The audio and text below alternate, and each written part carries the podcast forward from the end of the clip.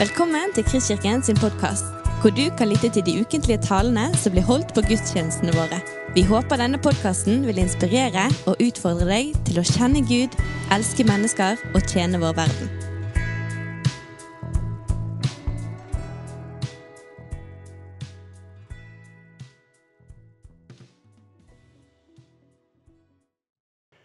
Utrolig kjekt å få lov til å være og få lov til å snakke for dere. Jeg må si Det er, det er en skikkelig ære. Jeg må få litt sånn ærefrykt når man har vært en del av en stor familie i mange år, og så plutselig så skal lille meg få lov til å dele for hele dere. Eller hele dere. Det er herlig. Um, så det blir veldig gøy. Men det er ikke alle som kjenner meg, så jeg kan ta en kjapp liten introduksjon. Jeg heter Joar Helgås.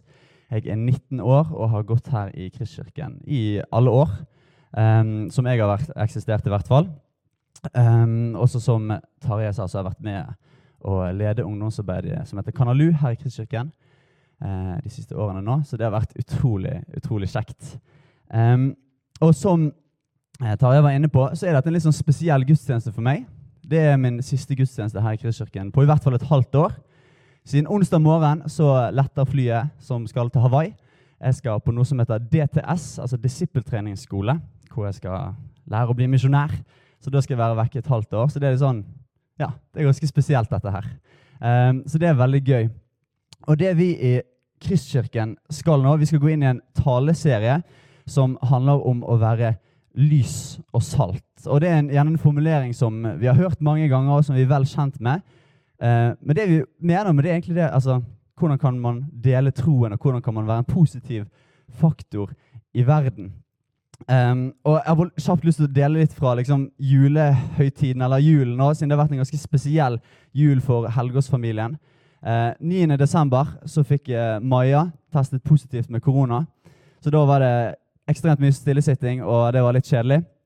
Og så, uh, idet vi endelig skulle få lov til å slippe ut, så klarer jeg å teste positivt. Som var ganske dritt. Så da ble det ti dagers karantene igjen. Uh, som, det var for så vidt greit, siden da er jeg immun når jeg skal reise. da. Så, så, det, ble, det, har vært en rar og litt usosial og mye stillesitting denne julen. Så jeg håper at dere har hatt en bedre og mindre stillesittende og mer sosial desember enn Helgås-familien har hatt nå. Men det har vært en fin jul. Jeg, skal, jeg må si det.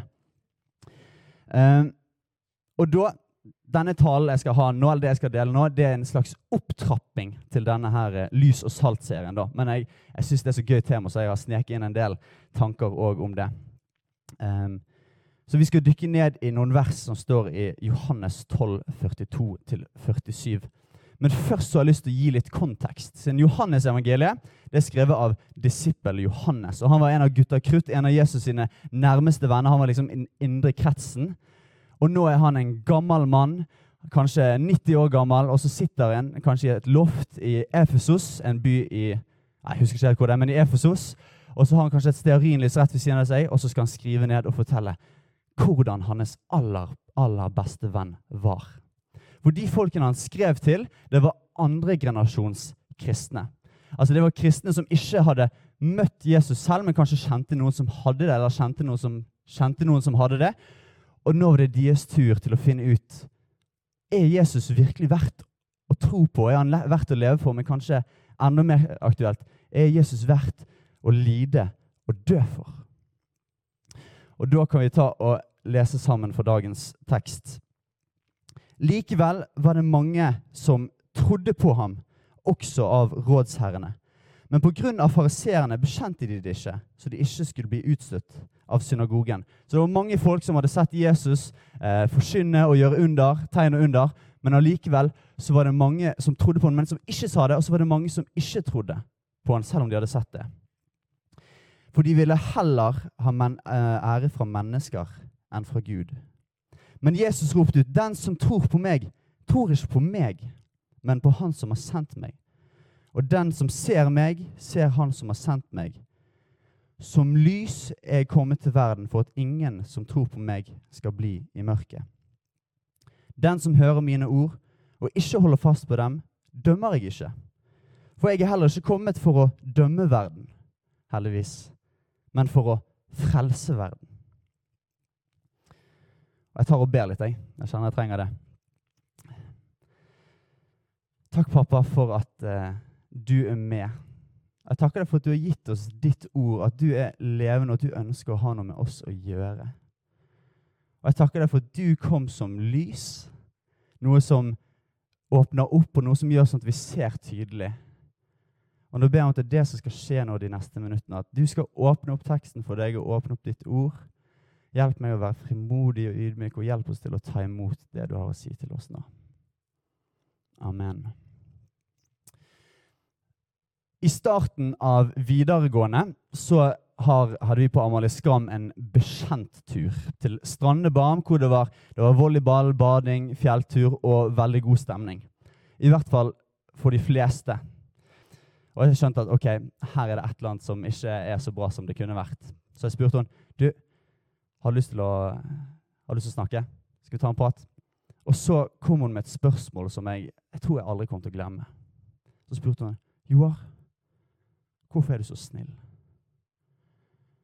Og da, når hun stilte det spørsmålet, så var det akkurat som det kom et svar til meg. Ikke fra meg, men at det kom liksom utenfra. da. Og så svarte jeg nei, fordi jeg har møtt en som er snillere enn meg. Og det er det vi er kalt til, folkens. Vi er kalt til å være representanter og speilbilder av den kjærligheten vi har fått oppleve først. Vi skal ikke vise hvor fantastisk vi er, men vi skal vise hvor fantastisk han er med våre liv.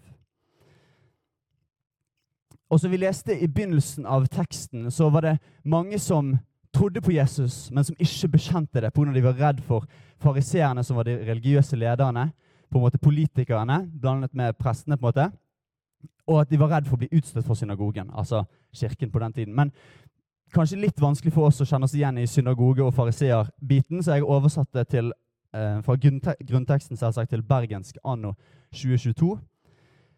Og man kan lese det sånn. Men pga. kollegene snakket de ikke høyt om troen sin. Så de ikke skulle bli utstøtt fra det sosiale fellesskapet på arbeidsplassen. De ville heller bli godtatt av mennesker enn å bli godtatt av Gud. Og Jeg tror de aller fleste av oss kan kjenne oss igjen i dette, her, om det er ofte eller noen få ganger, at det er tøft å dele troen. Det er tøft å være tydelig på hva man tror på. Og så kan det være mer behagelig å heller bare ikke si noe om det, og ikke fortelle naboer og venner og familie om hva du egentlig tror på, hva du egentlig bærer på innsiden. Um, men det som er så dumt da, er at viser, da viser vi hva som egentlig er herre i livet vårt. Da viser vi hva, at vi har mer menneskefrykt enn gudsfrykt. Men vi er kalt til å være hellige Paulus han skriver alltid når han skriver brevene, jeg hilser de hellige. Og det å være hellig, det betyr å være adskilt og satt til side, eller du kan si annerledes. Så hvis du noen gang har følt deg annerledes pga. troen din, så gjør du noe riktig. Og Et av mine favorittavsnitt om det å dele troen er ikke sagt av Jesus, Martin Luther eller Billy Graham, men ateisten Bjørn Sterk. Og jeg har lyst til å lese det. Jeg syns det er helt genialt. Og det heter 'Ateisten til de kristne'. Har du funnet en fantastisk religion, livsfilosofi eller bare en leveregel som du tror vil gjøre livet mitt bedre? Vis meg det. Lev slik selv, og la meg se hva det gjør med deg. Ikke tving meg til å leve slik, og ikke angrip meg fordi jeg ikke vil leve som deg. Vær et forbilde, en helt. Slå deg sammen med andre som tror det samme, og vis meg hva det gjør med dere med å leve slik. Synes du verden er råtten? Bygg en sone rundt deg av godhet som vi andre ønsker å leve i. jeg har sikkert glemt å trykke. Ikke prøv å eh, for hardt å få oppmerksomheten vår. Ikke gå rundt og si 'Se på meg, så flott jeg har det. Bare se.' Nei, jeg ble litt forvirra av hvor vi er nå. Jeg må følge med på begge. Skal vi se. Er jeg for langt der? OK. Um, da tenker jeg at du har, har funnet en uh, filosofi som går til hodet på deg og gjør at du føler deg prektig. Det vil jeg ikke ha.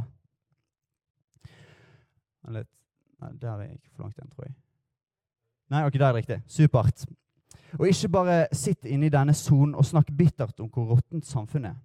da vil jeg tenke at det er ganske råttent inne hos deg òg. Er livet bra med Gud? Vis meg det. Ikke hør på de strenge sekularistene som sier du må legge igjen troen din når du går ut av døren om morgenen. Vis meg hvordan troen din er en naturlig del av livet ditt. Ikke dytt han på meg, men ikke gjem han vekk heller. Da, jeg, da tenker jeg at han ikke er noe viktig for deg. Se på deg selv som en vandrende demonstrasjon av hva det gjør med et menneske å ha Gud i livet sitt. Og Her var det utrolig mye snacks, men jeg liker spesielt godt denne her med at vi er kalt til å være en levende demonstrasjon. Sånn at Hvis folk lurer på hvordan er det egentlig å ha Gud i livet sitt, så sånn, kollegaen min er jo kristen, og det er sånn det ser ut.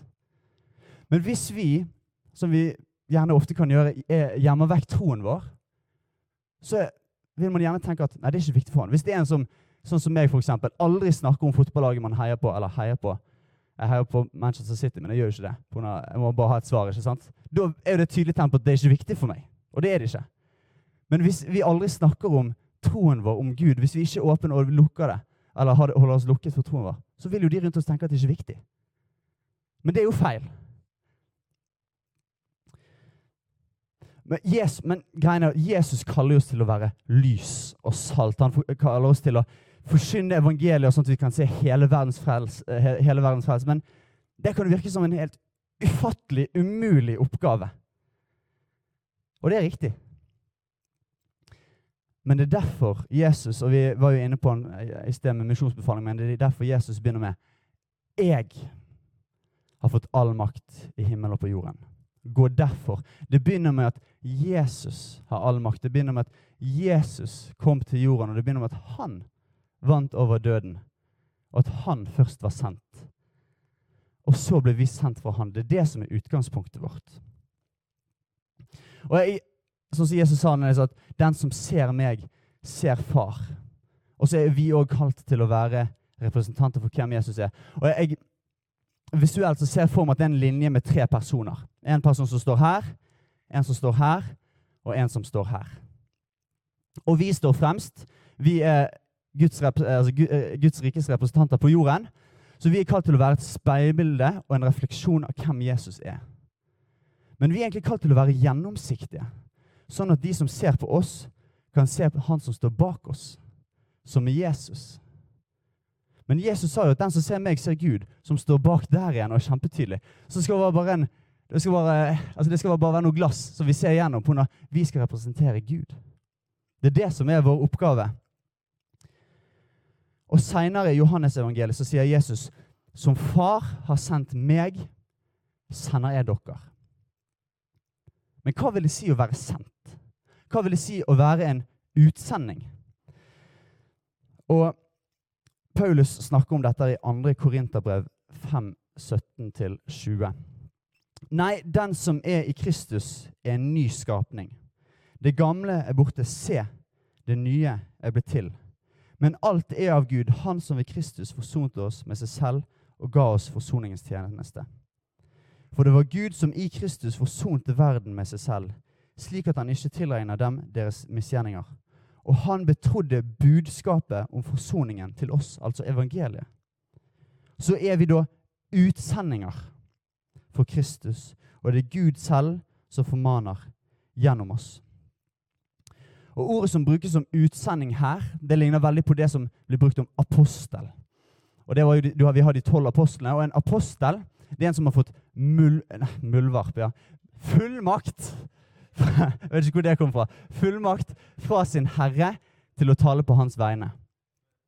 Og, det, det, og I noen oversettelser så blir det brukt ordet ambassadør. Og det er gjerne noe som vi er litt mer håndfast for oss. Men hva gjør en ambassadør? Jeg uh, har vært inn på det store internettet, og der står det at f.eks. den norske ambassadøren har i oppgave å bistå nordmenn i utlandet ved f.eks. ulykker, sykdom, dødsfall eller straffeforfølging. Fremme Norges omdømme og norsk kultur. Fremme norsk næringslivsinteresser. Og fremme Norges politiske og økonomiske interesser i utlandet. Det er det en ambassadør gjør. Og det, Sånn ser egentlig vår arbeidsbeskrivelse ut. For en ambassadør er en som representerer ett rike eller ett land. i et annet. Og vi er kalt til å representere Guds rike på jorden. Ett rike til et annet. Så nå skal vi se litt på noen av disse oppgavene og hva det innebærer med å være en ambassadør. Og den første tingen en ambassadør gjør, det er at han representerer landet sitt. Det har vi vært litt inne på. Og det som er greien med en ambassade, er at området ambassaden er, det tilhører på en måte det landet det representerer. Så den norske ambassaden i Washington, når du går inn der, så er du på en måte i Norge, selv om du ikke er det. Og der gjelder Norges lover og regler og alt det der. Men sånn er det med oss òg. Der vi går, der vi er, er det akkurat som vi går rundt som en levende ambassade. Og i 1. Korinterbrev 3,16 så står det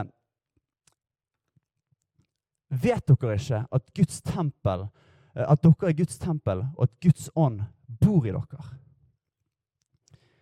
Altså Gud er til stede der du er. Om det er på butikken, om det er her i Kristkirken, om det er på fotballtrening for barna dine, hvor enn du går, så er du en levende ambassade. Men sånn har det faktisk ikke alltid vært. Um, I Gamle testamentet var det faktisk bare noen få som fikk Den hellige ånd, eller fikk gå rundt med Guds ånd. Og det var prester og um, profeter og konger. Så det var på en måte et skille mellom Gud og menneskene. Men dette skillet forsvant når Jesus eller ble revet vekk, som vi kan lese om i Matteusevangeliet, om at forhenget det var et sånn tjukt teppe som hang over, eh, kjempehøyt mellom det aller helligste, altså der Guds nærvær var i tempelet, og hvor resten var. Men når Jesus kom og døde på korset, det som skjedde da, at det ble revnet fra øverst til nederst. Akkurat som at det skulle vært en eller annen skikkelig sterk being som bare gjorde sånn Nope, nå gidder vi ikke lenger. Og det har gjort sånn at vi har kunnet gå fram med ekstra formodighet. Og vi, vi akkurat sånn som en ambassadør er kalt å være, så er vi kalt å være tilfluktssted òg for folk. Og jeg syns det var veldig sterkt, men um, i høst så har jeg jobbet som hjelpearbeider eller som tømrer. Og en, eh, for, noen, for, noen, måneder siden så um, skulle meg og en kollega vi skulle sette inn noen vinduer. Jeg har aldri gjort det før, men det var veldig kjekt. Det var veldig god stemning. Og mens vi holdt på å jobbe med det, så begynte han å åpne seg opp. Og det var en stor ære. Så jeg fikk, lov, jeg fikk lov til å være et tilfluktssted for han. Et sted hvor han kunne lande og få trygghet. Så folkens, der du er, er himmel til stede. Det vil si at du har kraft og autoritet fra Gud. Og der kan vi være tilfluktssteder for de rundt oss, både kristne og ikke-kristne. Både de som kjenner Gud mye, og de som kjenner Gud lite. Det neste jeg har lyst til å gå inn på, er at vi har fått autoritet. At vi har autoritet fra der vi kommer fra, men òg beskyttelse. Og det første er en ambassadør. Han er ikke kvalifisert til å være en ambassadør pga. han er, eller han har ikke sin autoritet som ambassadør pga. han har høy utdanning. Men han får sin autoritet fra den han er sendt fra. Om det er et land, en konge, president. Det er der han får autoriteten sin fra. Hvis ikke så er han bare en høy dude eller dudinne med høy utdanning et eller annet sted. Ikke sant? Og sånn er det med oss òg. Vi, jeg, eller vi får ikke autoritet pga. at vi er oss selv. Men det er pga. fra han vi er sendt fra. Det er der vi får vår autoritet. Og det er det som gjør sånn at vi kan gå fram med frimodighet. Men jeg tror, ikke, jeg tror ikke jeg er den eneste som har funnet ut av dette, men det å være en kristen og det å være tydelig om troen sin, det er ikke bare lett. Um, Ca. tredje skoledag på videregående så hadde jeg en ganske interessant dag. Vi satt og spiste lunsj og prøvde å bli kjent. Og så uh, fant de ut at jeg var kristen. Som bare er good. Men det det endte opp med, var at det ble en slags grilling kristen diskusjon i 45 minutter med ca. halve klassen mot én stakkars kristen som koste seg veldig mye. Eh, og heldigvis var norsklæreren litt for sein den timen, så da fikk vi snakket litt lenger. Så da var det liksom akkurat som at det ble presset opp til en vegg. Og gjennom videregående òg så ble det innimellom spredt litt ja, utrolig teite rykter om meg, og jeg ble holdt utenfor veldig mange sosiale settinger. Grunn, mest sannsynlig pga. troen min. Og du har kanskje opplevd lignende ting. Mest sannsynlig verre ting. Jeg er jo bare 19, så jeg har fremdeles et langt liv foran meg. Men én ting er i hvert fall sikkert. Det er ikke bare bare. Men vi kan ikke la oss skremme. Og Nå skal vi se på en av mine favoritthistorier i Gamle testamentet, som står i 2. kongebok 6, 15-17. Um, og det som skjer da Israel, eh, Israel det er delt opp i nord og sør. Og de er i konflikt med armenerne, som er et stort nabofolk. Og Armenerne de har hæren sin klar, og de har tenkt å angripe Israel. Og de planlegger egentlig sånn bakhåndsangrep. Så det er flere ganger så er det kjent sånn at ok, vi stikker, og så tar vi dem. Når de ikke vet om det. Men det som var greien da, var at Elisha, som var en profet som hørte fra Gud, ble fortalt flere ganger at nå kommer armenerne, si til kongen at dere må flytte dere. Og Det skjedde flere ganger, og så ble armener, armenerkongen veldig irritert. Så det var akkurat som at de lekte katt og mus, som irriterte katten, som var armenerkongen da. Og til slutt så fant de ut at oh ja, grunnen til at vi ikke får tak i dem, det er pga. Elisha. Han, hører, han vet hvor vi er.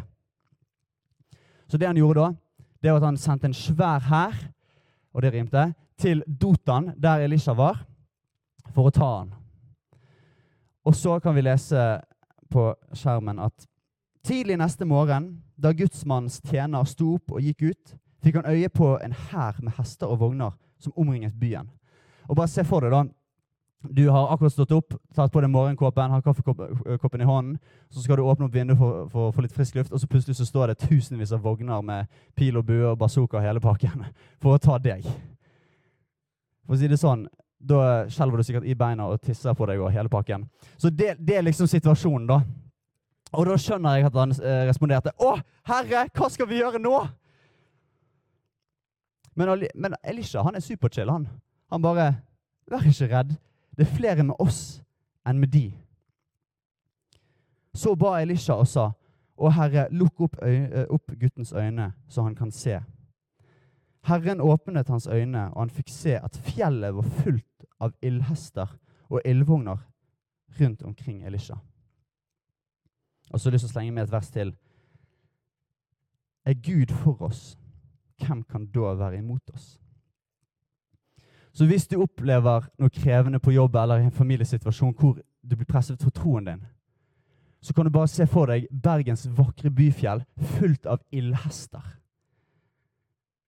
For når det er det, altså, Guds hær, hæren som tilhører vårt hjemland, er større enn USA sin hær, uansett hvor stort budsjettet deres er. Greit nok, mye, Det er ikke så mye hjelp i det norske militæret hvis Russland angriper oss, men vi har en større hær. Så vi trenger ikke være redde for det. For en ambassadør har beskyttelse fra sitt hjemland. Og til sist, Det siste punktet jeg har lyst til å trekke fram, med det å være en kristen, det må være en ambassadør. Det er god lønn. Og nå Det siste halvåret så er dette første gang jeg har vært 100% i jobb. eh, lenge, Så hver gang det har kommet lønnsslipp, så har det vært en sånn deilig følelse. på sånn, yes, digg, Nå kan jeg kjøpe masse kebab. Um, og det er litt det vi skal snakke om nå. For en krevende jobb, eller krevende jobber, får man som oftest god lønn. Ikke alltid, jeg vet det, så du får ta det med sjefen din senere. Men en ambassadør de, en, har, en de har en lønn på ca. 1 131 000 kroner. Det er ganske mye. Men folkens, vi har overgjennomsnittlig høy lønn. Bedre enn ambassadører. Og Nå skal vi se på noen bibelvers hvor Jesus snakker om lønn. Skal vi se. Dere skal ikke samle skatter på jorden, hvor møll og mark ødelegger, og hvor tyver bryter inn og stjeler. Men dere skal samle skatter i himmelen, der verken møll eller mark ødelegger, og tyver ikke bryter, inn, bryter seg inn og stjeler. For der skatten din er, vil også hjertet ditt være. Så sier han òg, for en arbeider er verdt sin lønn. Og så snakker han om eh, lønnsslippen. Gled dere på den dagen og hopp av fryd. Stor lønn dere har i himmelen. Og det er bedre enn en bonus. Så selv om at en eh, ambassadør jobber i ett land, så får han lønnen fra hjemlandet sitt. Og det gjelder oss òg. Og en litt gøy historie som jeg har hørt en gang, det var om en mann som var eh, en ganske ålreit kar. Han eh, var veldig god mot konen sin og barna sine. Han fortalte folk om Jesus og prøvde å følge de ti bud så godt han kunne. Men sånn som skjer med alle, så måtte han si farvel til denne jorden. Og når han så kom framfor Gud for dommens dag, så spurte Gud ok, hvordan vil du få utbetalt lønnen din. Du kan velge hva som helst og hvilken som helst valuta. Og så tenkte han seg nøye om og bare sånn hmm. Åh, yes, jeg har alltid hatt lyst på det. Kan jeg få de gullbarer? Rent gull. Så da fikk han utbetalt i seks gullbarer, som er helt crazy. Jeg vet ikke hvor mye det er, men da, han har vært en god fyr, rett og slett. Men når han kommer til, inn i det nye Jerusalem, da, så blir han stoppet av en engel og bare sånn Unnskyld meg, hvorfor går du rundt og bærer på gatesteiner? For når det står jo at i det nye Jerusalem så skal det være gater av gull. Det er vår lønning, folkens. Og det er som å sammenligne Elon Musk og Bill Gates sin lønn med en barnearbeider i Kina. Det, det er helt hinsides store forskjeller, og det er ikke samme valuta, så vi kan ikke, vi kan ikke sammenligne det engang. Jeg vet ikke helt hva, hva vi får utbetalt i. Mest sannsynlig ikke gatesteiner, men jeg vet at det blir dødsbra. Pga. det har Gud lovet. Så Helt til slutt så har jeg lyst til å dele noen vers. Som, og dette er Jesus, Det første verset er Jesus sin overprestelige bønn for disiplene. Så ber han til Gud for disiplene, eller for oss, og så sier han Som du har sendt meg til verden, har jeg sendt de. Altså, vi er sendt. Og så sier Johannes senere Vi elsker fordi han elsker oss først. Eller sånn som jeg har fått lov til flere ganger, og sånn som med denne venninnen som hadde det vanskelig. Jeg er snill på henne. Jeg har møtt en som er snillere. Og Jeg har vært inne på det, men jeg har jobbet for eh, Glenn dette halvåret. Veldig kjekt. Og Da har jeg fått jobbe som tømrer i Bergan bygg. Og da har jeg jobbet masse med de yngre ansatte og lærlingene der. Um, og jeg hadde, jeg, når jeg begynte å jobbe der, så tenkte jeg ok, jeg skal være meg selv. Og jeg skal være åpen om troen min. Um, men det som var litt morsomt, da, var at det var ikke alle som trodde at jeg var kristen. De trodde ikke på meg. Han ene, han ene lærlingen han trodde at han ene, meg og den andre kollegaen køddet med han og tullet med han og sa ja, han er kristen. ikke sant? Og En dag så sa han jeg synes det var en veldig morsom kommentar, men er du kristen? Du er så oppegående. og jeg syns det var en ganske morsom, men òg litt trist kommentar. Men og senere, når vi, vi satt i bil, vi, hadde, vi jobbet på Osterøy, så fikk vi gode samtaler i bilturen på veien hjem. Så uh, begynte vi å snakke om tro, og de tulte med at uh, jeg, jeg, har sagt at liksom bare for å fortelle sånn, cirka hva jeg har lyst til å bli. Så, ja, jeg har lyst til å bli pastor. Bare sånn, har du lyst til å bli pasta? Nice! Ja, sånn her med pesto. Og så um, sa han ene gangen ja, jeg tror ikke på Gud, jeg. Jeg tror på Big Bang. Og så svarte noe sånn sånn. Ja, men jeg tror på begge. Hvordan kunne noe liksom bare plutselig eksplodert ut av ingenting, og så kunne alt fra sjø, sjøkuer til deg og følelsene dine eksistert på så finjustert måte? Han var sånn Å, kanskje vi må ta en tur i kirken. så det er det vi skal få lov til å gjøre, folkens. Når vi åpner opp og deler om troen vår, så kan vi, vi kan få lov til å være med og være myteknusere. Vi kan få lov til å knuse fordommer og tanker folk har om hvem Jesus er den han vi representerer. Men dette klarer ikke vi i egen kraft. Dette klarer ikke jeg og vi å gjøre i bare å være oss. Men heldigvis har vi fått autoritet, og heldigvis kom Jesus først. Greit nok at vi skal være lys og salt, men Jesus var lys og salt før vi var det. Og det er på grunn av at han var det, at vi kan være det. Så for å være lys og salt så er vi helt avhengig av Han som sender oss, og Han som sendte oss. Jeg tror jeg tar avslutter med en bønn. jeg. Takk, Jesus, for at, um, at vi kan være frimodige med å dele og bare leve. Leve for deg. Um, nå ber jeg om at du skal vise oss på hvilke områder vi kan, få, vi kan være mer frimodige, og hvor vi kan finne trygghet, Jesus. Men så takker jeg for at vi har ikke noe ansvar for hva som kommer til å skje, om folk kommer til å tro på deg eller ikke, eller om folk blir utstøtt, eh, fra, eller frastøtt eller ikke. Men vi kan bare være gjennomsiktige, sånn at de får se deg. Så hjelp oss til å ligne mer på deg og være gjennomsiktige, sånn at folk kan få se deg. Og jeg takker deg for at Jesus, du er verdens lys. Og vi kan få lov til å være noen solstråler som skinner ut fra deg, Jesus. Amen. Du har lyttet til en podkast fra Kristkirken i Bergen. Vi håper du har blitt inspirert og utfordret i din vandring med Gud. Vil du vite mer om oss, så klikk deg inn på kristkirken.no.